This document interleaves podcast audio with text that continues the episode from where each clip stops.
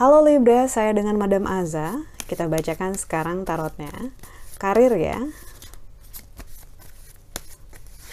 Karir untuk minggu ini kartu yang keluar adalah Wheel of Fortune akan ada beberapa perubahan jadi kamu harus sedikit beradaptasi dengan hal yang terjadi dalam hal karir bisnis ataupun finansial gitu. Nggak yang seperti kamu harapkan tapi seperti biasa kamu tuh pintar beradaptasi gitu ya.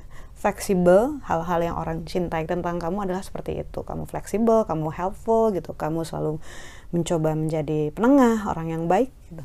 So kartu the wheel of fortune ini menunjukkan adanya perubahan dalam hal karir ataupun bisnis finansial yang awalnya tidak seperti yang kamu harapkan tapi nanti lama-lama akan berjalan mulus sesuai dengan arah yang dari awal kamu inginkan yang diperlukan dari kamu saat ini adalah lebih lebih bisa bermain dengan kondisi yang baru, adaptasi. Tapi nggak usah dikhawatirkan karena itu adalah salah satu kelebihan kamu, so it's okay.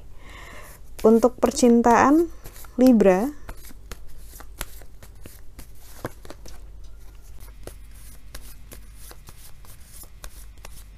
kartu yang keluar ini agak lama nih, Libra. Kartu yang keluar adalah the devil.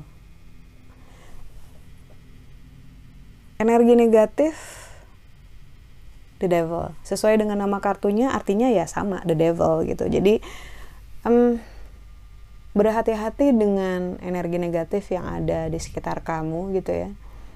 Kalau misalnya ngerasa bahwa kamu sendiri adalah the devilnya gitu ya kamu yang sedang punya masalah ya diselesaikan dulu karena toh udah nyadar. Tapi kalau misalnya kamu sadar bahwa ada orang di sebelah kamu atau di sekitar kamu yang berpotensi untuk menjadi the devil, devil ya jangan didekati. Karena dalam hal percintaan harus diingat bahwa kamu berhubungan dengan perasaan orang lain ego orang lain dan juga energi orang lain. Dan saat kamu melakukan hal yang buruk tentu pasti akan ada karmanya juga akan ada hitungannya yang suatu saat harus kamu bayar dan gak akan kamu sukai. So semuanya terserah sama kamu. Hal apa yang akan kamu pilih gitu ya. Apakah memproteksi diri kamu dari hal-hal yang buruk atau justru memancing hal-hal yang buruk di masa depan gitu. So berhati-hati. Untuk kartu nasihat bagi Libra kartu yang keluar adalah death ataupun transformasi perubahan besar-besaran. Kartu ini menunjukkan perpindahan dari terang ke gelap ataupun juga dari gelap ke terang. Uh, perubahannya cukup signifikan. Ibaratnya dari ulat ke pompong kupu-kupu ini adalah masa-masa yang menunjukkan seperti itu gitu ya. Jadi uh,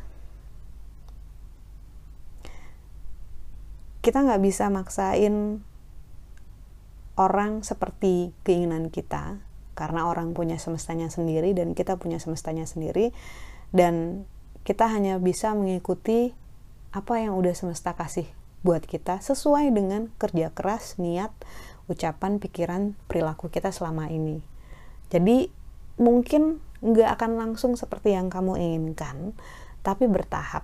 Cobalah untuk ber bertahap membangun suatu hal yang baik walaupun kamu pengennya cepet-cepet gitu ya tapi nggak bisa seperti itu karena it doesn't work that way.